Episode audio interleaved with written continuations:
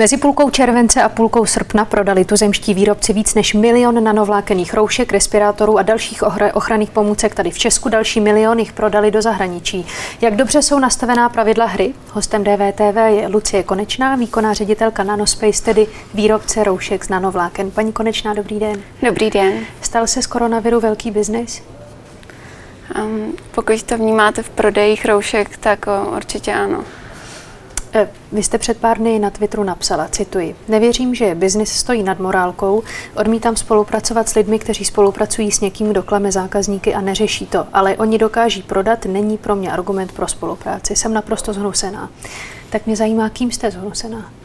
Tak já bych to nerada takhle rozpitvávala v médiích, ale pokud uh, dodavatel nebo kdokoliv, kdo se mnou nebo s námi chce spolupracovat, klame zákazníka nebo kdokoliv s kým spolupracují, klame zákazníka, tak pro mě tím tento dodavatel končí. Protože já tady mám zodpovědnost vůči svým zákazníkům, že za prvé prodávám ochranné prostředky, které fungují a za druhé prodávám výrobky firm, které mají nějaké morální zásady a nesnaží se parazitovat na této situaci. Jinými slovy, na biznis kolem koronaviru se nabalili i podvodníci?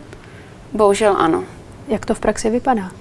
Tak třeba nabízí nanoroušky, ale pak, když se podíváte, jestli tam je nějaká nanovlákená membrána, tak zjistíte, že tam žádná není. Mm-hmm. E, nicméně obchodníci se strachem, kteří nabízeli předražené roušky nebo roušky takzvaně z nanovláken, e, možná byli v Česku už dřív než samotný koronavirus, tak e, má to teď ještě úplně jiné rozměry než předtím? V minulosti vlastně před tou koronavirovou krizí, tak eh, byly na trhu vlastně jenom jedny nanoroušky, pokud vím. A myslím si, že se s nimi roztrh pytel až vlastně po té koronavirové krizi, kdy se ukázalo, že nanovlákená rouška dokáže aktivně chránit uživatele oproti té běžné, která to nedokáže. Um, mají zákazníci šanci takový padělek poznat? Pokud zrovna doma nemají elektronový mikroskop, tak um, bohužel nemají šanci to poznat. Proto i Asociace nanotechnologického průmyslu České republiky doporučuje, aby nakupovali pouze od výrobců, kteří jsou členi asociace. A to má takový běžný zákazník povinnost vědět?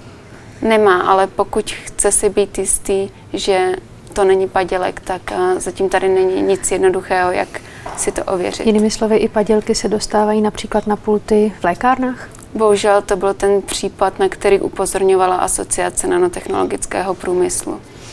To bylo asi to nejstrašlivější, co jsme zatím viděli, že hromadně se prodávala nanorouška, ve kterém žádný, žádné nanovlákno nebylo a bylo to právě v lékárnách. A mělo to nějakou dohru? Mělo to dohru, někteří to stáhli, stále se na, v někter, na některých portálech tato nanorouška údajná prodává a výrobce se musel omluvit nám, protože uh, tvrdil, že lžeme. E, znamená to, že některé lékárny do dnešního dne prodávají padělky? Jsou to takové menší lékárny, které jsou online. Není to nikdo velký, aspoň pokud vím. Slova mluvčího České obchodní inspekce Jiřího Frölicha cituji. Pojem nanovlákno je v tuto chvíli pouze marketingovým nástrojem ke zvýšení prodejů. Podle našich poznatků, opírajících se o stanoviska a názory odborníků, není nikde stanoveno ani definováno, v jakém případě lze výrobek jako nanovlákno označit a kdy nikoliv. Takhle to je? Takhle to samozřejmě není. Já vím, že Česká obchodní inspekce pravděpodobně na to nemá žádnou metodiku, ale já jsem tady přinesla například srovnání nanovlákené membrány a netkané textíly, kde na první pohled vidíte, že ta struktura vypadá úplně jinak. Vlastně nanovlákno je definované různě, to je pravda, že jsou různé definice, ale vždy je to, že to musí být v nanorozměrech. Pokud si chceme představit nanorozměr, tak já tady mám takovou pomůcku tak já mám tady školní pravítko, které jsme měli všichni. Ano. A vlastně to bylo rozdělené na centimetry a milimetry. Tak kdybyste vzala ten jeden milimetr a rozdělila ho na milion dílků, tak ten jeden dílek bude nanometr. Mm, a co to tady znamená s ohledem na ten citát mluvčího České obchodní inspekce, který jsem vám přečetla? E, podle vás se tady nepohybujeme v naprosto vágně nastaveném prostředí? Podle mě oni vlastně nemají tu metodiku. Oni nikdo jim nedodal žádné tabulky, podle čeho mají posuzovat, zda je to nanorouška či není. A to je něco, s čím by případně měl někdo něco dělat? Ano. My A už Asociace nanotechnologického průmyslu České republiky už aktivně se spojila s vědní sférou, aby dali dohromady nějakou metodiku, kterou by mohla poskytnout právě tady České obchodní inspekci. A má o to Česká obchodní inspekce zájem? Bohužel tyto informace zatím nemám, protože je to velmi čerstvé. Pak je tu ještě Jakub Ondráček z Ústavu chemických procesů Akademie věd, který řekl deníku N. Na našem pracovišti jsme měřili různé typy výrobků z nanomateriálu. Měření ukázala, že se deklarovaná čísla účinnosti v mnoha případech velmi diametrálně lišila. Záleží například na tom, jak výrobce poskládá vrstvy jednotlivých materiálů v daném produktu. Konec citátu. Takže nanovlákno automaticky neznamená účinnou ochranu? A Znamen, když pokud je tam nanovlákená membrána, tak může mít různou účinnost. To je pravda. Když se podíváte třeba na náš e-shop, tak zjistíte, že některé roušky mají účinnost 84%, jiné 98%, ale Musíme si uvědomit to, že na rozdíl od respirátorů, tak je to účinnost materiálu a ne účinnost té roušky. Tam vždycky hraje roli, jak je těsná tomu člověku, co ji nosí. Zatímco u nanovlákených respirátorů tam přichází do úvahy takzvaný fit faktor a to znamená, že se zkoumá, jak vlastně vám přiléhá na obličej. E, proč vy vůbec na e-shopu nabízíte méně a více účinné roušky? Proč tam, jsou, proč tam nejsou výhradně jen ty nejúčinnější? Tak um, Nabízíme je hlavně proto, aby měl, mohl zákazník si vybrat i podle ceny, protože samozřejmě čím účinnější, tak často také uh, dražší. A jak velký to bývá cenový rozdíl?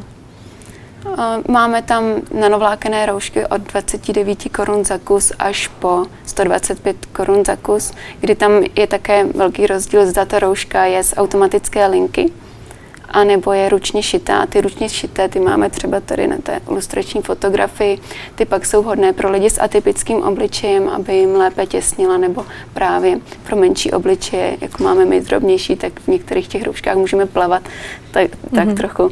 Takže pak zvolíme třeba tu ručně šitou, která je i ve velikosti třeba XS nebo S. Někteří eh, tuzemští výrobci ochranných pomůcek na jaře kritizovali vládu za to, že nakupuje v zahraničí místo toho, aby mm-hmm. podpořila české firmy. Změnilo se něco od jara?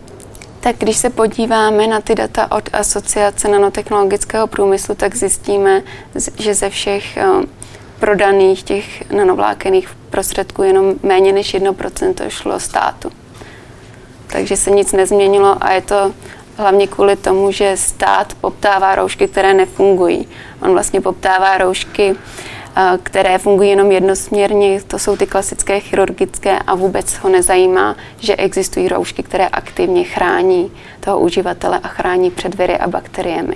A podle vás to stát nedělá s plným vědomím toho, že to takto dělá? Podle vás se stát je v nějakém omylu nebo nedorozumění? Stát podle mě je jenom má nějaké zastaralé normy. Prostě poptává, místo aby poptával auta, protože potřebuje se někam dostat, tak poptává kočáry z 19. století. Prostě vůbec nereflektuje, že věda jde někam dál. Váš otec Jiří Kůs k tomu českému rozhlasu řekl, roušky z nanovláken se svou funkčností blíží respirátorům, ale tendr jejich cenu limituje na asi 13 korun, za to ji nelze vyrobit. Ehm, takže domácí výrobci mají mimo jiné smůlu, protože jsou pro českou vládu příliš drazí?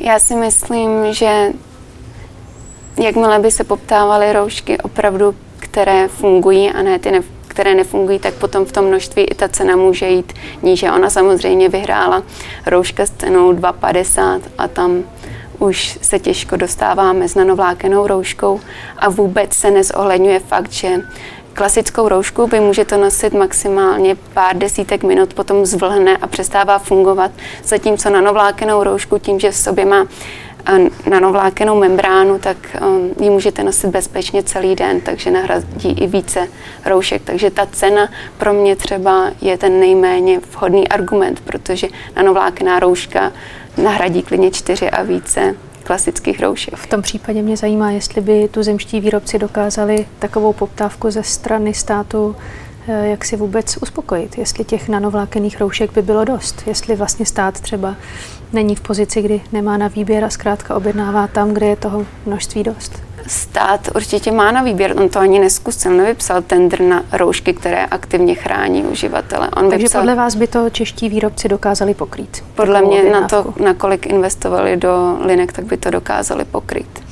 Eh, řada výrobků za sebou taky ještě donedávna neměla celý certifikační proces, tak divíte se, že stát nechce kupovat necertifikované ochranné pomůcky? Tak když se podíváme na to, co nakupoval v nouzovém stavu, tak tam také najdeme výrobky, které nebyly ano, certifikované. ale nouzový stav pominul. Um, tak když se podíváme třeba na tyto roušky nebo na roušky od zlínské firmy Sport, tak ty jsou plně certifikované. Ministerstvo vnitra u vaší firmy nakoupilo zatím za necelých 12 milionů korun. Je to hodně nebo málo? Pro nás určitě jako pro malou firmu je to hodně, hodně ale pro v těch objemech, co nakupovalo, tak je to málo. A nakupovalo tedy ty roušky s tou vyšší, řekněme, úspěšností, vyšší ochranou, nebo spíše těch, řekněme, nižších řad? V těch našich nano, nanovlákených rouškách byla použita membrána, která je v respirátorech BreSafe, anti-covid, které jsou považovány za to nejlepší, co máme na trhu. Tak nemluví tohle proti tomu, co jste říkala před chvílí, tedy že stát si objednává lokomotivy z jiného století, když jste dělala tu analogii s auty a tak dále, co když stát skutečně uvažuje moderně. Pokud si od vás například objednal to nejlepší, co máte. Tak objednal 200 tisíc roušek a když si to přepočítáte na to množství, co jenom co potřebujeme na měsíc, tak to je velmi málo. Eh, vy jste v minulých týdnech opakovaně psala, že máte prázdný sklad, protože poptávka po rouškách a dalších produktech narostla o stovky procent. Eh, jak si sama pro sebe přebíráte, že se vašemu biznisu daří prostě proto, že mají lidé strach z koronaviru? Tak pro mě, já už jsem se připravovala v červnu na to, že konečně budeme moct dělat edukační kampaň ohledně chřipky, protože na chřipku umírá spoustu lidí a přijde mi šílené, že umírají jenom proto, že se nakazili třeba v čekárně nebo v dopravním prostředku, jenom kvůli tomu, že my jsme bezohlední a nenosíme roušky. Takže pro mě je to, je to takový zvláštní biznis i zvláštní pocit. I proto možná kladu velký důraz na to, abychom měli jenom produkty, za kterými si můžu na 200% stát. A jak jste přijala zprávu o tom, že roušky od září nebudou potřeba tolik, jak to původně vypadalo? Tak mě děsí jedna věc, že potom se zavedou ze dne na den, protože když něco ohlásí, tak pro mě to znamená zvýšení prodeje o tisíce procent a pak ty produkty nejsou a pak jsou lidi nervózní, volají. Takže tohle já jsem si v hlavě jako kalkulovala, že se strašně bojím, až to zavedou třeba v pátek, protože nám vystřelí případy třeba na tisíc denně tak tohle to byla moje reakce. A to, že když se stane, tak na to dokážete reagovat? Nebo když na se to, to stane, nejste? já se na to připravuji už od poloviny července, kdy jsem začala nafukovat ty naše sklady. Akorát, že ta poptávka je čím dál, čím dál větší. My jsme například zaznamenali i zvýšení poptávky paradoxně, když přišlo rozvolnění, což se asi u normálních roušek nestalo, ale u těch nanoroušek tím, že u nás nakupují hodně starší lidé, onkologicky nemocní, nemocní a lékaři, tak se tam zvýšila ta poptávka, aby se mohli chránit. Takže se snažím se připravovat a pořád nafukovat ten sklad, ale také musím pracovat s cashflow, takže můj největší strach je v tom, že najednou přijde obrovská poptávka a budu mít opět za tři hodiny prázdný sklad. Mě ještě zajímá poslední věc. Vám je 27, eh, tak jak se vám v tomhle věku a ještě jako ženě původně z marketingu vede takováhle firma?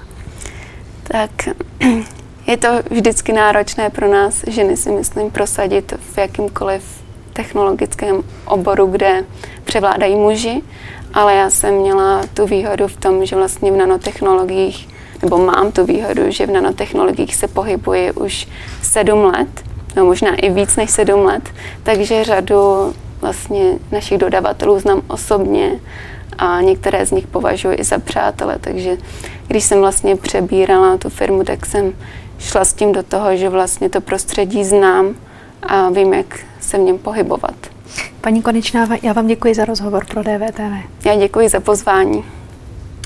thank you